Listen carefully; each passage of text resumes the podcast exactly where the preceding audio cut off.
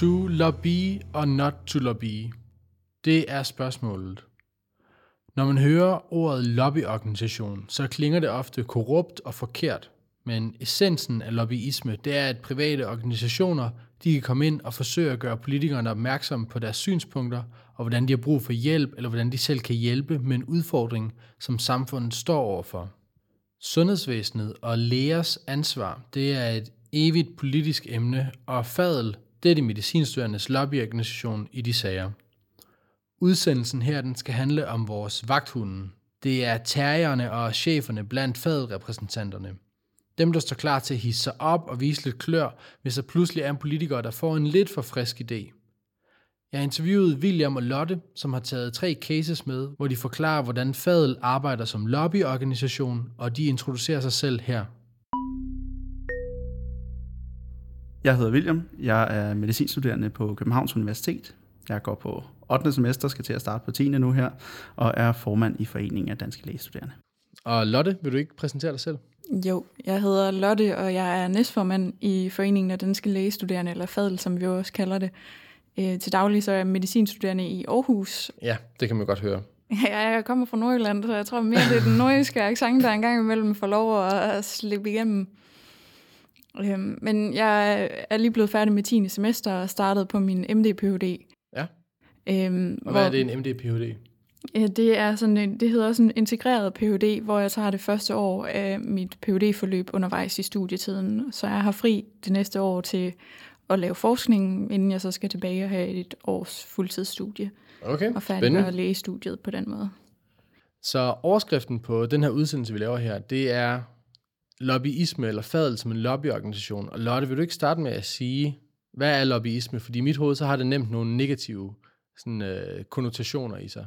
Ja, det, det lyder jo også lidt negativt. Det, mange forbinder det jo nok med det her lidt korrupte, øh, mørklagte, der foregår inde på Christiansborg, hvor man sidder og mødes øh, industrien og politikerne, og det, det er egentlig ikke det, der menes med lobbyisme. Det er egentlig bare en politisk interessevaretagelse. Øhm, så det er vores middel til at komme i kontakt med politikerne og få vores politiske interesse hørt. Både af politikerne, men også hvad der ellers skal til af aviser og forskellige, forskellige happenings for at få vores interesse igennem og hørt. Så kan man tale om, altså hvad for nogle forskellige arenaer kæmper man ligesom indenfor som lobbyist? Der er en ting at påvirke politikere, og en anden er at påvirke medier. Kan du prøve at riste op på en eller anden måde? Jamen, der er jo rigtig, rigtig mange øh, aspekter i det, og det, en stor del af det, det er jo selvfølgelig politikerne, men det er også gerne noget, der skal have befolkningens øh, opbakning. Mm. Og det er jo gennem medierne, men også direkte ved kontakt til befolkningen via Facebook, eller hvor vi går ud og, og snakker med befolkningen, men det er også i høj grad for vores vedkommende, vores medlemmer, vi skal ja. have. Så når du som når du siger som fadel næstformand siger befolkning, så er din befolkning jo så de næst øh, de medicinstuderende. Det er både de medicinstuderende, men også den, den brede befolkning, altså her og fru Danmark i, i Vestjylland, og øh, dem, der sidder i Næstved og bor inde på Frederiksberg, det er hele befolkningen, vi skal have. Alright. Um, så har jeg jo tænkt, ligesom i nogle af de tidligere udsendelser, så tager vi udgangspunkt i nogle cases, så vi kan få lidt konkret information om, hvad er det egentlig fadel laver. Og øh, skal vi ikke bare gå i gang med den første case? Jeg læser medicin i Aalborg. I oktober 18, der får vi pludselig at vide, at det ikke længere er lovligt for universitetet at dække de transportomkostninger, som vi har til og fra hospitalerne uden for byen. Der er til synligheden ikke nogen hjemmel, altså noget lovgrundlag for, at vi som studerende må få de penge. Vi får at vide, at der har siddet en djøffer i uddannelsesministeriet og læst noget gammelt lovmateriale og fundet ud af, at der slet ikke står noget om, at man må dække vores omkostninger. Pengene er øh, så at sige blevet uddelt, uden at der står noget sted i loven, at man må refundere sine studerende for transport. Jeg har ikke råd til at lægge hundredvis af kroner om måneden oven i min husleje og de penge, jeg bruger på mad, bare for at få lov til at tage min uddannelse. Og jeg har ikke tid til at tage et arbejde, når jeg er i klinik hver eneste dag, og kun har weekenderne til at læse op på det pensum, jeg skal til eksamen i. Derfor fortalte vi faderen om problemet, og vi fik den til at gå ind i sagen for os. Det var den første case, og William, det er jo noget med, at øh, I så gik ind i sagen og endte med at spænde lidt ben for jer selv i den her sammenhæng. Vil du ikke forklare, hvad der skete? Jo, det kan du tro. Jamen, øh, vi går ind i den, fordi at vi ikke synes, det er færre over de for de Aalborg-studerende, som ikke længere kan få den her refusion, og så er det jo så, at det ender med at backfire, og man faktisk trækker det ud over hele landet og siger, at der er ikke nogen af universiteterne, som har hjemmel til at udbetale den her transportrefusion. Så fra at vi havde et Aalborg-problem, så har vi jo faktisk lige pludselig et nationalt problem. Det er simpelthen fordi, at I gik til politikerne og sagde, at det her det finder vi os ikke i, og så siger vi, at hvis det gælder i Aalborg, så gælder det i hele landet. Ja. Det er øh, et ret stort problem. Så øh, hvordan reagerer Fadel på det her? Hvem mødes, og hvad for en plan ligger man? Jamen, der går nærmest lidt krisestemning i, i Fadel i den forstand, at, at det her er en ret stor indgreb i den enkelte studerendes private økonomi, mm. hvis man lige pludselig skal til at dække den her transport helt selv. Øhm, så der bliver indkaldt til hastemøde og sidder repræsentanter fra Fadel fra hele landet, som mødes over skærmen og snakker om, hvad er så næste skridt? Mm. Fordi vi er fuldstændig fast overbevist om, at det her kan simpelthen ikke være rigtigt. Vi synes ikke, det er retfærdigt. Det er ikke en lige adgang til uddannelse. Mm. Så hvad for en plan? Altså, hvad får I lagt af plan? Hvad gør man i sådan en situation? Jamen, man kan sige, at man skal jo have en, en, en spilleplan både for, for her og nu, øhm, og hvad man ligesom vil gøre i det lange løb også. Det første, vi mener er, at den vigtigste opgave, det er selvfølgelig at informere vores medlemmer om det. Dernæst så skal vi begynde at finde, få fat i alle vores støtter rundt omkring. Vi skal have fat i medierne, vi skal ud med det her, og vi skal få fortalt, hvorfor det her ikke er i orden. Mm. Øhm, og det bliver egentlig den første plan. Der bliver skrevet diverse mails ud til alverdens politikere og beslutningstagere og spørger, om, om vi ikke skal mødes med dem for at snakke med dem om, hvorfor det her ikke er okay, og mm. hvorfor det ikke skal være den vej, det skal, skal gå. Ja. Så øh, hvem får I fat på? Hvad for noget medieomtale får I skabt? Hvordan får I lavet? Det går vel ud på at få lavet noget på styr, så hvad for noget på styr får I skabt? Men i første omgang så håbede vi jo, at vi kunne løse det relativt nemt ved at mødes med politikerne og, og bare lige få dem til at, at lave en løsning. Øhm, men det fandt vi ret hurtigt ud af, at det, det kunne man ikke bare lige trække den her beslutning tilbage, fordi det var lovgivningen, der skulle ændres. Hvad sagde de, når I kom og ville snakke med dem? Jamen, mange af dem var egentlig meget åbne over for det, og synes det var et reelt problem. Øh, på det her tidspunkt var der jo også rigtig meget øh, mediedækning på området omkring øh, læger til udkants Danmark. Man havde et kæmpe problem med at få læger ud i, i udkanten, især inden for almen medicin. Så der var rigtig mange, der også synes, det den vej var et problem, at man så ikke kunne på samme måde få de medicinstuderende ud og, og vise, hvor dejlig udkanten var. Det stedet skulle være lidt et problem at komme derud, og man frygtede, at det ville gå ud over rekrutteringspotentialet ja. øhm, til udkantsområdet. Øhm, så i første omgang var det politikere, og det var hospitalsledelser. Vi skrev til øh, dekanerne på universiteterne, som heldigvis bakkede os meget op. Det var jo penge, de allerede havde i deres budgetter, som de var interesseret i stadigvæk at, at udbetale til medicinstuderende. Ja. Øh, så vi havde rigtig meget opbakning. Øhm, og når man begynder at få politikerne med, og vi har nogle rigtig dygtige medarbejdere også, det er nok også vigtigt at huske at få sagt, øhm, som kender rigtig meget til det her politiske spil. Øhm, så de ved også godt, hvordan man får kontakt til nogle af medierne og får det ud i de lidt større aviser. Så hvad er det for noget know-how, eller hvad er det for nogle strategier, I gør for at komme i medierne, for at få noget omtale, for at få politikerne i tale? Jamen, øh, nogle gange er man jo heldig, at øh, det lige passer ind i en god historie, så når der er meget fokus på lægedækning, så er det relativt nemt at, at få mediernes opmærksomhed, hvis man tager kontakt til medierne og siger, at man har et problem med at rekruttere lægestuderende ud til udkantsområderne, når det allerede er oppe i tiden. Mm. Øhm, så nogle gange er man mere heldig end andre, men rigtig tit så hjælper det også, at man selv tager kontakten, skriver ufattelig mange mails og laver rigtig mange øh, telefonopkald. Øhm, så det, det kommer man rigtig langt med, og vores medarbejdere sidder og bruger rigtig meget tid på at også pleje hele det kontakt netværk, der er i forhold til både medieverdenen, men også politikerne. Okay. Så helt konkret, hvad får I sat i stand? Jamen altså helt konkret får vi jo sat i stand, at vi skal mødes med rigtig mange politikere, øh, som Lotte siger, der gudskelov også er ganske positivt stemt over det. Mm. Så får vi præsenteret sagen på en måde, som gør, at den også bliver relevant for herre for Danmark, og ikke mm. kun for medicinstuderende. øh, som også gør, at vi netop kan snakke ind i lægedækning i udkantsområder osv. For at få noget folkelig opbakning. Ja, og for at gøre det relevant, altså man kan sige, hvis du vil have en artikel i, i Jyllandsposten eller i Politiken, så er det nok svært at komme med en, en sætning og sige, at jamen, nu bliver det dyrere at være medicinstuderende. Mm. Den er ikke så interessant for særlig mange mennesker.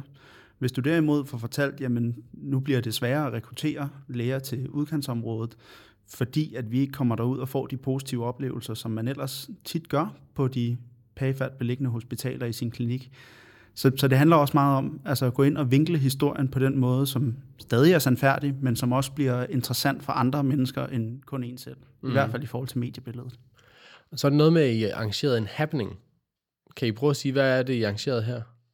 Ja, altså man kan sige, medier og, og tale med pol- politikker, det er jo det er én ting. Øhm, men hvis man virkelig vil gøre noget i, i dagens Danmark, så skal man jo gøre et eller andet, som interesserer folk.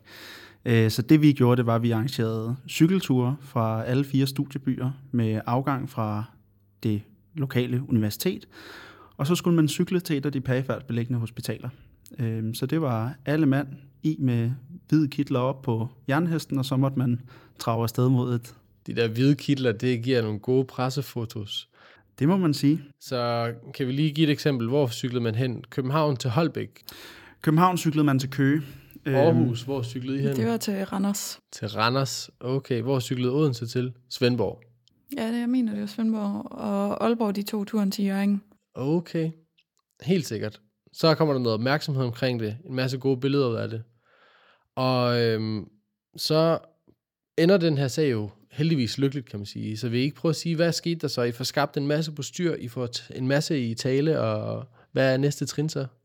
Jamen, så øh, passede det jo ret heldigt med, at Lars Lykke, der på det tidspunkt var statsminister, han øh, havde sammen med regeringen lavet en sundhedsreform, øh, hvor de snakkede rigtig meget om lægedækning, og om at gøre det mere attraktivt for læger at komme ud i udkants Danmark. Man skulle derud, hvor øh, borgerne havde brug for en, og, og det, der øh, ikke er svært, det skulle være nært, og samtidig så oh, ja. øh, ville man ikke rigtig have, at øh, de studerende skulle have det nemt ved at komme derud.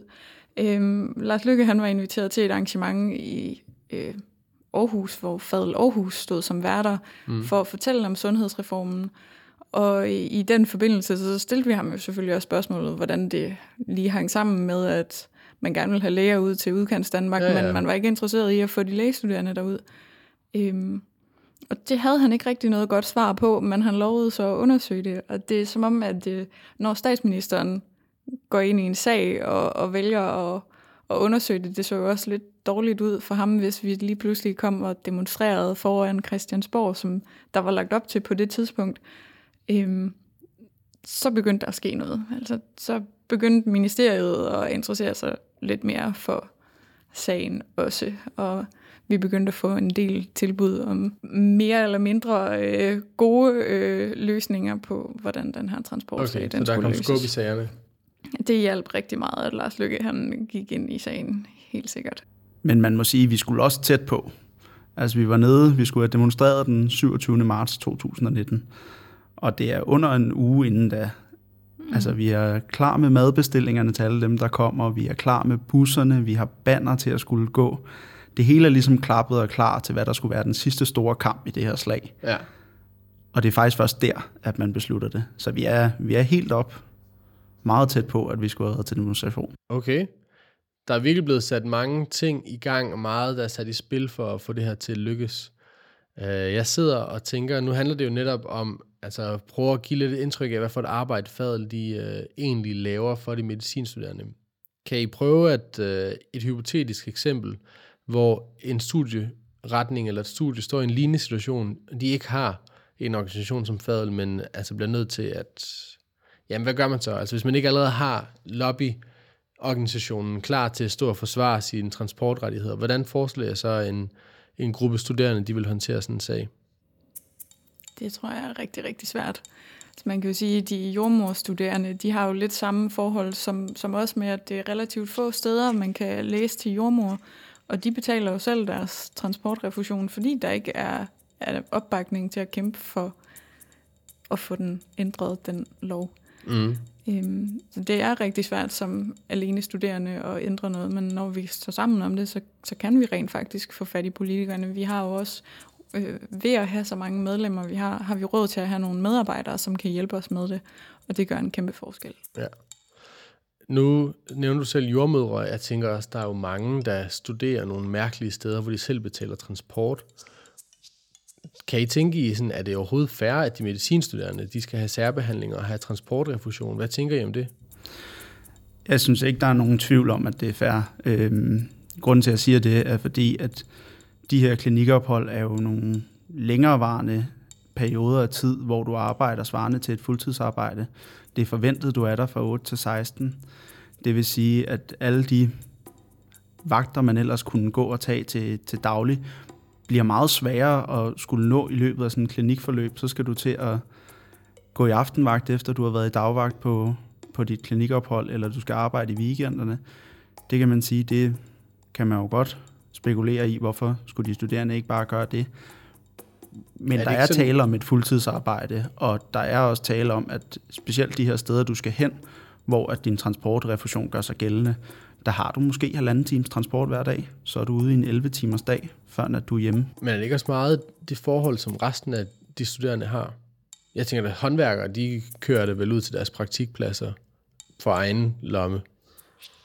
Ja, man kan sige, de, de får så også en praktikløn, hvor vi kun får SU. Mm. Man kan sige, i forhold til de jordmorstuderende, som nok er det mest nærliggende eksempel, så synes jeg også kun, det vil være fair, at de jordmorstuderende fik transportrefusion. Mm. Men, men der er vi jo nok tilbage til den med, at det kan være utrolig svært at løfte sådan nogle her ting på enkeltpersonsniveau. Mm. Øhm, det, det kræver bare lidt større maskineri. Og samtidig så kan man sige, at vi skal jo heller ikke øh, acceptere en forringelse af vores vilkår, bare fordi der er nogle andre, der har det dårligere. Klart. Så synes jeg, vi skal gå videre til den næste case. Der er enormt mange lægestuderende, der allerede arbejder i sundhedsvæsenet. Det kan være i almen praksis, som sygeplejevikarvagter eller som lægevikar. Men vi er stadig flere, som gerne vil ind og arbejde med netop det. I København og på Sjælland er det relativt nemt at få vagter som sygeplejevikar på hospitalerne, men der er slet ikke den samme efterspørgsel i resten af Danmark. Under valgkampen i 2019 blev der talt om, at der skulle uddannes 1000 nye sygeplejersker, og vi skulle have flere varme hænder i sundhedsvæsenet. Der sad vi i fadet og tænkte, det kan vi skulle da hjælpe med. Der er mange af vores venner på studiet, der hungrer efter et fedt studiejob, og vi kan netop være et ekstra sæt varme hænder der, hvor der er brug for det. Derfor satte vi os ned i fadel og begyndte at skrive et dokument, som vi kaldte Brug de lægestuderende. Det forklarede, hvad de forskellige studerende kunne, alt efter hvor de var på deres uddannelse, og hvor man kunne bruge dem, og hvorfor det var smart at bruge en medicinstuderende, frem for at uddanne 1000 nye sygeplejersker. Vi er jo klar til at afhjælpe nu og her, og det kommer altså til at tage tid at uddanne alle de nye varme hænder. William, vil du ikke prøve at sige, hvem er det så, der beslutter, at nu sætter vi os sammen, og hvem er det så, der endelig sætter sig sammen og laver det her papir? Er det en studerende, der kommer med en god idé? Er det nogle fadelrepræsentanter? Eller er det formanden, der med alle sine visioner kommer og siger, nu skal vi have lavet et, et, en beskrivelse af, hvad man kan bruge de lægestuderende til? Altså man kan sige, at i det her konkrete eksempel var det en repræsentant. Det kan sådan set være alle tre ting, du nævner. Mm. Øhm, hvis en studerende, et af vores medlemmer, kommer med et, et forslag, og det er noget, der lyder rigtig, rigtig klogt, så er vi jo kun glade. Så er det jo en, en hjælp til os med, hvordan man hjælper vores medlemmer, og det vil vi gribe til hver en tid. Mm.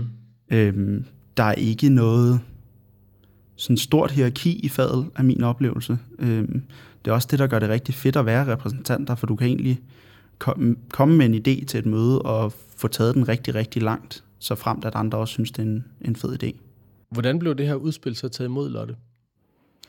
Jamen, det blev taget ret positivt imod. Det er jo noget, af vores medlemmer faktisk, især i, i Aarhus og Aalborg og Odense, har efterspurgt rigtig meget. I København er der jo et rigtig stort arbejdsmarked, fordi man har Fadels Vagtbyrå i København. Men de andre steder, der har man ikke på samme måde et vagtbyrå. Vagtbyrået, det ligger ved regionerne, så der er det en blanding af medicinstuderende, sygeplejestuderende, sygeplejersker og alle mulige andre personalegrupper, som skal varetages gennem det vagtbyrå. Så vil du ikke prøve lige at rise op, hvad er arbejdsforholdene egentlig i Odense, Aarhus og Aalborg? Fordi jeg har ikke noget indtryk af det, fordi jeg selv kommer fra København. Mm. Jamen, der, der er jo øh, de samme typer vagter, som der findes i København. Man kan arbejde som øh, sygeplejevikar, man kan arbejde som ventilatør, efter man har taget et sygeplejevikarkursus og opkvalificeret sig til ventilatør. Så kan man øh, gå ud og arbejde som lægevikar på den sidste del af studietiden. Mm. Øh, og der er mulighed for, at man kan arbejde i almen praksis, arbejde i forskellige forskningsstillinger. Er der bare ikke så stort udbud efter det, eller hvordan er det anderledes i København i forhold til resten af landet? Der er ikke lige så stort et udbud, og, og vagterne bliver varetaget gennem øh, vagtbyråerne, øh, hvor det er regionen, der sørger for at fordele vagterne. Så der er det, det er tit, at man vælger sygeplejestuderende til at tage sygeplejefaglige opgaver. Ja. Måske meget naturligt, fordi de kommer ud på afdelingen og fungerer der som, som sygeplejerske. Klart. Øhm, så på den måde er medicinstuderende ikke helt så hyppigt brugt i de sygeplejefaglige dele. Okay, så det er den balance, vi gerne vil tippe lidt mere over til, at der blev brugt flere medicinstuderende til noget af alt det her arbejde, som de her tusind øh, bebudet sygeplejersker, de skulle ind og tage. Ja, I hvert fald, at man husker, at når man står der og, og efterspørger mere kvalificeret arbejdskraft, det tager noget længere tid at uddanne sygeplejersker, end det tager at, at give medicinstuderende et sygeplejevikarkursus, og man så der kan gå ind og aflaste som de ting, der kræver en sygeplejefaglig uddannelse, at man kan flytte sygeplejersker fra de mere simple opgaver over på de lidt tungere opgaver. Helt så på den måde kunne det også være en aflastning, at medicinstuderende, som gerne vil arbejde, og som, som også godt kan øh, overtage nogle af opgaverne, selvfølgelig ikke det samme som en fuldt uddannet sygeplejerske kan, ja. men man kan i hvert fald godt gå ind og aflaste, så man frigiver noget tid fra den uddannede sygeplejerske. Ja, klart. Øhm, så får I dannet det her udspil. Det er et dokument på 10-12 sider eller sådan noget den stil. Øhm, hvem sender I det så ud til? Det, det var vidt og bredt. Øh, specielt i første omgang, må man sige. Ja, vi var øhm, meget rundhåndet omkring ja. det. Det er jo sådan, altså når man kommer med sådan en dagsorden, hvor at man ligesom prøver at byde sig ind, så, så vil man jo også sende den ud så bredt, at man egentlig tager en snak med nærmest alle dem, der har noget at skulle have sagt på området, mm. som gerne vil det. Ja. Så hvordan blev jeres udspil taget imod, ud fra øh, dem, der modtog det?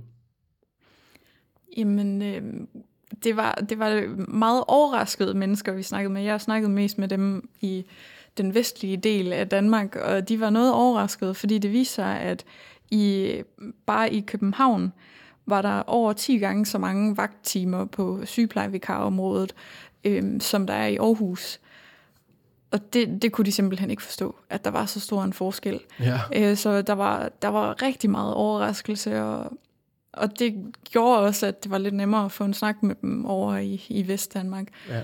Øhm, siden man, man kunne bruge det så godt i København og havde så positive erfaringer med det, så tænkte de jo, at man, det var i hvert fald det, de sagde til os, at man skulle være bedre til også at bruge dem i Region Midt, Region Nord og Region Syddanmark. Mm. Øhm, så det, det blev taget godt imod. Øhm, og her under corona har man jo så også taget det lidt til sig, at man har rent faktisk brugt de lægestuderende. Ja, klart. Ja, for det være mit næste spørgsmål. Kan I se, har det hjulpet på noget? Hvornår lavede I dokumentet, og har I kunnet se nogle ændringer siden da? Altså, vi lavede det tilbage i midten af 2019. Okay, øh, og i starten, så det er godt og vel et år gammelt nu. Ja, og man kan sige, at i starten, der kigger man jo meget efter det, men man er også påpasselig med at konkludere, om det nu er ens arbejde med brug de lægestuderende, der har gjort, at der måske var lidt flere vagttimer, eller om det er tilfældigheder. Mm. Øh, så kommer corona jo her, marts 2020, og der må man sige, der tager det en hissig fart i forhold til, hvad det havde haft indtil da. Ja. Det er nok ikke kun på grund af brug de lægestuderende. Det vil jeg ikke lige frem tro, men, men ikke desto mindre, så har man da i hvert fald lagt en grobund for at informere rigtig mange mennesker om, hvad medicinstuderende kunne. Mm. Og lige pludselig, da der så er brug for det, så ser man jo ministre, der står og omtaler fadelvagten øh, som en del af løsningen på en, på en pandemi. Og så må man jo sige, at så har vi da i hvert fald et godt renomme ude i Danmark, hvis det et godt renommé ude i Danmark, hvis det er der, man ender. Ja, for det Altså i virkeligheden under corona, så bliver de medicinstuderende hævet ind som ventilatører, i hvert fald til uddannet ventilatør, ventilatørkorps, øhm, som jo er en sjov, sådan historisk øh, gentagelse af, hvordan det startede med ventilatør under polioepidemien. Øhm, hvor meget blev endte med at blive brugt? Altså tænker du i forhold til uddannelsesmæssigt eller timetal? Øh, begge dele. Man siger, uddannelsesmæssigt, så kom der jo flere hundrede nye uddannede VT'ere rundt om i landet. Ventilatører. Ventilatører, ja, Ja. lige præcis. Øhm, og mit indtryk er også, at de faktisk har været brugt rigtig, rigtig godt. Øhm, der er sågar også nogle af hospitalerne, som har lagt det ind i deres budget til næste år, øh, på et tidspunkt, hvor man i hvert fald ikke forventer, at corona nødvendigvis stadig præger de danske sygehuse. Mm. At så har man tænkt ind i at bruge ventilatører øh, for at kunne aflaste nogle af sygeplejerskerne på intensivafsnit og, og lignende. Klart. Vi var jo så selvfølgelig, som alle ved, så heldige, at det ikke blev et kolossalt stort udbrud, vi fik i Danmark, men altså, fadet stod i virkeligheden klar med en stor buffer af ventilatører, der var klar til at træde til, hvis det skulle blive nødvendigt. Det må man sige, ja. Mm. Ja, det har jo så også gjort, at, at der er nogen, som ikke er blevet brugt. Altså simpelthen fordi vi forberedte os på det værst tænkelige. Og så galt gik det jo heldigvis ikke, men det har jo så haft en lidt negativ konsekvens for nogle af vores medlemmer, at de er blevet uddannet og er klar til at indgå i det her korps, men er aldrig blevet kaldt ind. Ja, Og det er, jo, det er jo lidt ærgerligt, så derfor fortsætter vi jo selvfølgelig arbejdet med de brug de lægestuderende, så vi kan få dem til at indgå i beredskabet på en anden måde. I må sætte nogle aktive smittespredere ud i Ja, byen. det kan være, at det er det, vi skal gøre. Holde en, en ny fredagsbar med en, en coronasmittet iblandt, men uh, ej, det er måske alligevel at gå lidt for langt. Skal vi rykke videre til uh, den sidste case? Meget af arbejdet, vi laver i Fadel, det er at reagere på situationer, som opstår rundt omkring i landet, og som kommer udefra. Men vi arbejder også proaktivt, og forsøger at påvirke, hvordan fremtiden skal se ud. Vi lavede et udspil, der hedder Fremtidens Læger. Her prøvede vi at beskrive, hvordan vi så lægeuddannelsen forbedre sig fra den dag, de nye studerende træder ind på universitetet, til hvordan vi gør uddannelserne bedre, hvordan man designer de bedste klinikophold, hvordan man bør fordele pladserne i KBU, og hvilke forhold der bør være for en nyuddannet læge, der skal til at starte på sit første rigtige job. Så i hvert fald et behov er den født ud af det tiltag.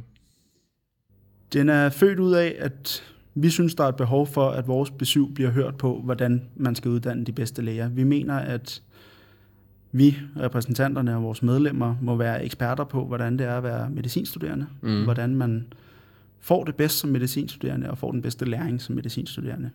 Og det tænker vi er et, et ret vigtigt besked at få med ind, når der skal besluttes, hvordan man tilrettelægger det hele. Fordi i store dele af det der uddannelsesforløb, der, der er det jo sammenhængende fra den dag, du starter på studiet, til du er færdig som speciallæge.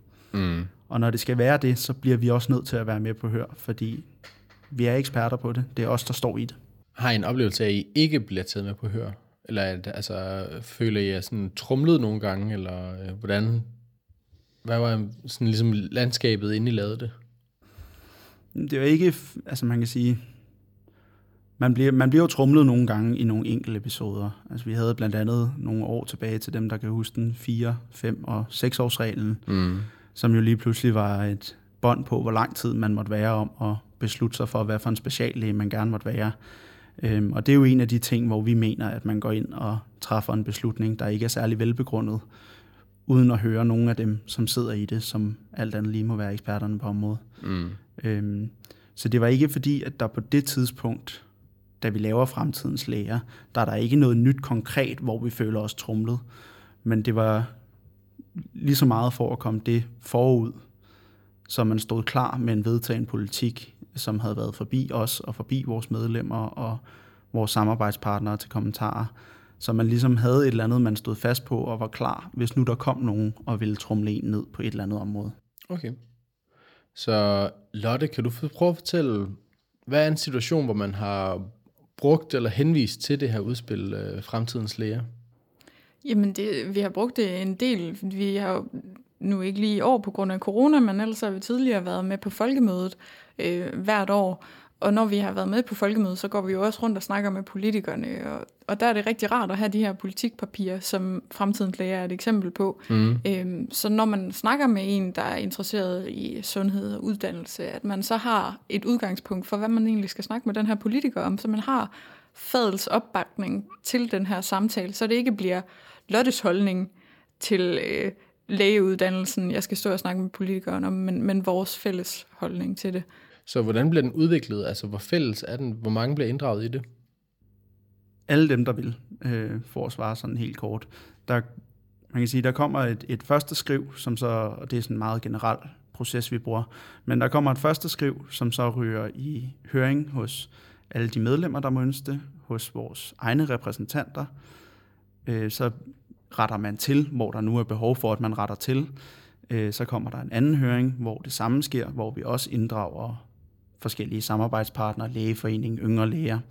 Øhm, og så til sidst, når man ligesom har været igennem de første to høringsprocesser, så når vi til, at vi på et landsrepræsentantskab, som er vores nationale møder, hvor alle fadelrepræsentanter i hele landet deltager, at der går man den så en sidste gang efter i sømmene og tager alle de ændringsforslag, der må være op til afstemning, og ender med at afveje den på den måde. Mm. Og så er den vedtaget. Øhm, kan I prøve at give et konkret eksempel på, hvad er for eksempel en af de mest sådan, uh, interessante enkelte elementer af det her udspil, I lavede?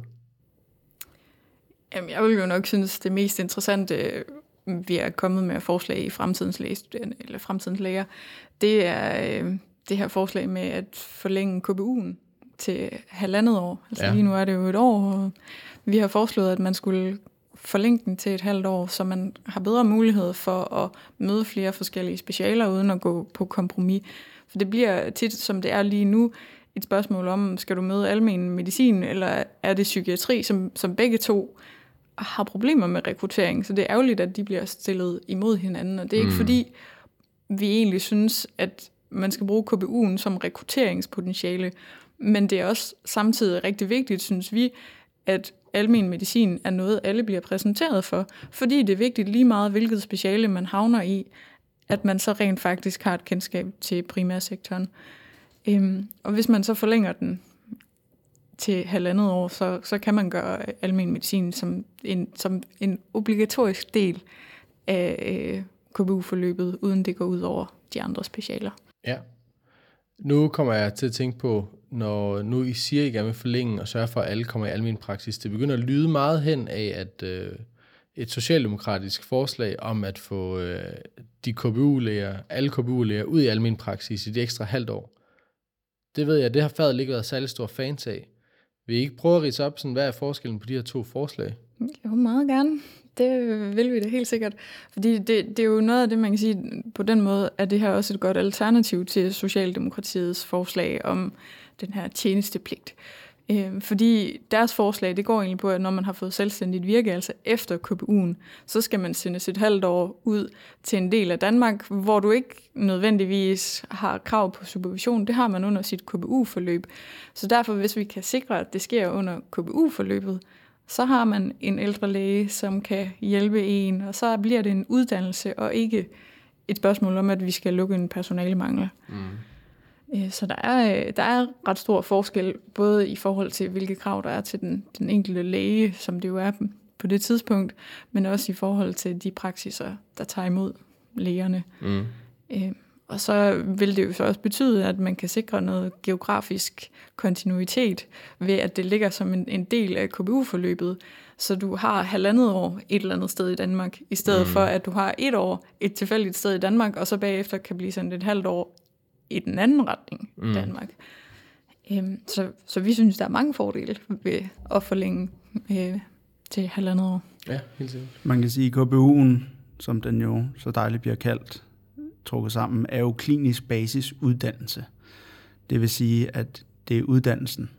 Det handler om, at du skal blive dygtigere, det handler om, at du skal blive mere tryg i dit arbejde som læge. Og det er også meget det, der har været årsagen til, at halvanden års KPU var et forslag, der kom op.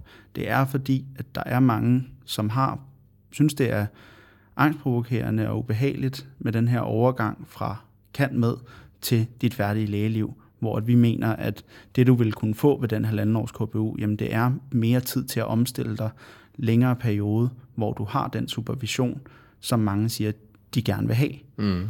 Øhm, det der også er ved tjenestepligten, det er jo, at den dag, som det er i dag, indeholder næsten alle KBU-forløb allerede et halvt års almen praksis. Mm. Så de siger, at vi tager en helt grøn og færdig læge ud og dækker, som Lotte så fint siger det, et mandskabsproblem uden at det har en uddannelsesmæssig konsekvens, men simpelthen bare for at flytte en person hen i en praksis, så de kan løfte et stykke arbejde. Og det er der nogle gange stor forskel på, om man har et halvt år ekstra til at dygtiggøre sig, eller om man skal et halvt år et eller andet sted i Danmark for at løfte et problem, som kunne have været løst langt tidligere, hvis man havde været mere ops på det. Mm, okay. Så det her forslag med halvanden års KBU for eksempel, hvordan, er det noget, I så har fået snakket med politikere om? Er det noget, der bliver rykket på? Er det noget, som der er nysgerrighed overfor, eller hvordan er det blevet taget imod? Man kan sige, det er jo, det er jo meget blandet. Øhm, der er rigtig mange politikere, når man møder dem med en så konkret ting som det, øhm, hvor de egentlig ikke helt er klar over, hvordan en læges videreuddannelse foregår. Og det er jo også fair nok, de skal holde styr på rigtig, rigtig mange ting. Øh, så det er jo forståeligt, at man ikke kan holde styr på det hele. Men, men det resulterer også i, at man ikke altid får de mest konkrete svar tilbage, øh, når man eksempelvis rejser sådan et spørgsmål. Øh, men man kan sige, altså for fremtiden, vi ved, at der snart skal til at kigges på den lægelige videreuddannelse. Så det bliver jo en ting, man kan, kan tage med videre der, hvor der i hvert fald er nogle mennesker med, som ved 100% hvad det handler om. Så nu kender jeg mange medicinstuderende, som gerne vil være læger hurtigt, og så vil de gerne hurtigt komme i introduktionsstillinger, og de vil gerne hurtigt blive speciallæger. Og der kan man sige, at halvanden års KBU, det er i hvert fald noget, der gør, at det tager lidt længere tid. Så hvad vil man gøre, hvis man som medicinstuderende var uenig med fadet i sådan en sag som den her? Jamen, øh, hvis man er uenig med fadel, så må man jo gerne være uenig med fadel. Øh, og man må også gerne sige til os, at man er uenig med os. Altså, lægeforeningen er jo heller ikke enig med os i forhold til at forlænge KBU'en. Så vi ved godt, at der er nogen, der er uenige med os. Vi ved også godt, at der er nogle af vores medlemmer, der er uenige med os. Og sådan vil det være, fordi vi skal repræsentere et flertal. Øhm, så, men hvis man er uenig, eller hvis man er enig med os, så må man jo altid gerne tage fat i os, enten skrive til os direkte øh, på vores Facebook-side, eller sende en mail til os, og så for alt i verden også, øh, når vi sender de her spørgeskemaundersøgelser ud, så gå ind og besvare de spørgeskemaer, for vi sidder rent faktisk og læser dem alle sammen igennem. Øhm, og hvis man synes, at det kunne være interessant at arbejde mere med, eller øh, fremsige sin uenighed, så må man jo også gerne stille op til repræsentantskaberne. Altså vi, vi vil rigtig gerne have repræsentanter øh, i alle landene, og man må også gerne komme med til vores møder uden at være repræsentant, men som menigt medlem. Mm. Øhm, så det håber jeg da helt sikkert, at folk de vil gøre brug af og komme og lade deres mening blive hørt. Fornemt. Tusind tak, Lotte. Vi er nærmest ved at være færdige nu, men øh, vil du ikke have lov til at give en øh, sidste besked til de nye medicinstuderende, der har lyttet med her i dag? Jo, jeg synes, at hvis man øh, synes sådan noget her, det kunne være rigtig spændende at arbejde med, så øh, tag fat i os. Øh, vi vil rigtig, rigtig gerne have flere med om bordet, øh, og vi har brug for flere hænder til at, at tage til de her møder. Det er bare super sjovt at komme med til møderne. Vi prøver at sørge for, at, at folk de får en god oplevelse med at komme ind på Christiansborg øh, og, og oplære folk til, hvordan man går til de her møder. Så hvis man øh, sidder med en lille politiker i maven, så stil op til øh, repræsentantskabsmøderne, øh, stil op til repræsentantskaberne. Tusind tak, fordi at, øh, I vil være med. Tusind tak, William. Tusind tak, Lotte.